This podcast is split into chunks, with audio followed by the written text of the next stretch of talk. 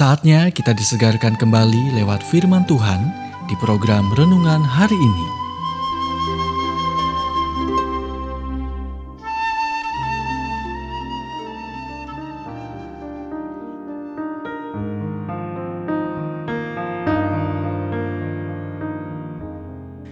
Renungan hari ini berjudul Angin Timur Laut Anda.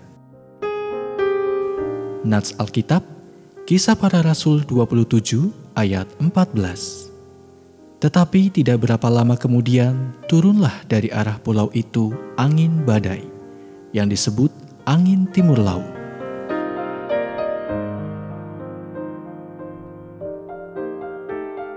Kapal yang dinaiki Paulus berlayar ke Roma hancur oleh badai bernama angin timur laut yang berarti topan.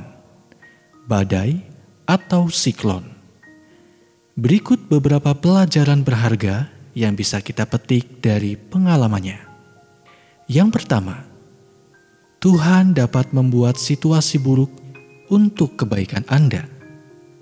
Karena kapal karam ini, Paulus mendarat di Malta, di mana orang-orang mendengar Injil untuk pertama kalinya.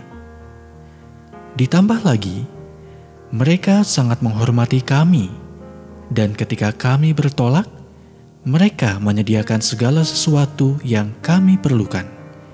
Kisah para Rasul 28 ayat 10 Terkadang masalah Anda dapat menyediakan ruang bagi Tuhan untuk bekerja dengan cara yang menakjubkan Anda.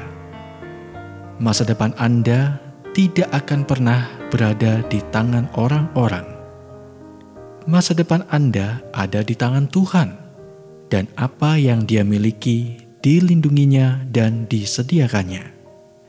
Yang kedua, untuk mencapai tujuan yang telah ditetapkan Allah, Anda harus berlayar melewati badai. Paulus berkata, "Akhirnya putuslah segala harapan kami untuk dapat menyelamatkan diri kami." Kisah para Rasul 27 ayat 20. Akan ada hari-hari ketika Anda bertanya-tanya, bagaimana Anda akan berhasil? Tetapi dengan kasih karunia Tuhan, Anda akan melakukannya. Mazmur 37 ayat 34. Yang ketiga, badai menunjukkan seberapa baik Anda mengenal Tuhan. Paulus berkata, karena tadi malam seorang malaikat dari Allah, yaitu dari Allah yang aku sembah sebagai miliknya, berdiri di sisiku dan ia berkata, Jangan takut Paulus.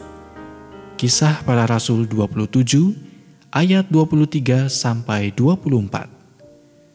Dalam masa-masa sulit Anda menemukan kekuatan hubungan Anda dengan Tuhan. Yang keempat, dia dapat membawa kesuksesan dari apa yang tampak seperti kegagalan. Perhatikan dua hal khusus dalam cerita ini. Yang pertama, Anda mungkin harus membuang beberapa barang ke laut untuk mencapai tujuan Anda. Anda bisa melihatnya pada ayat 18.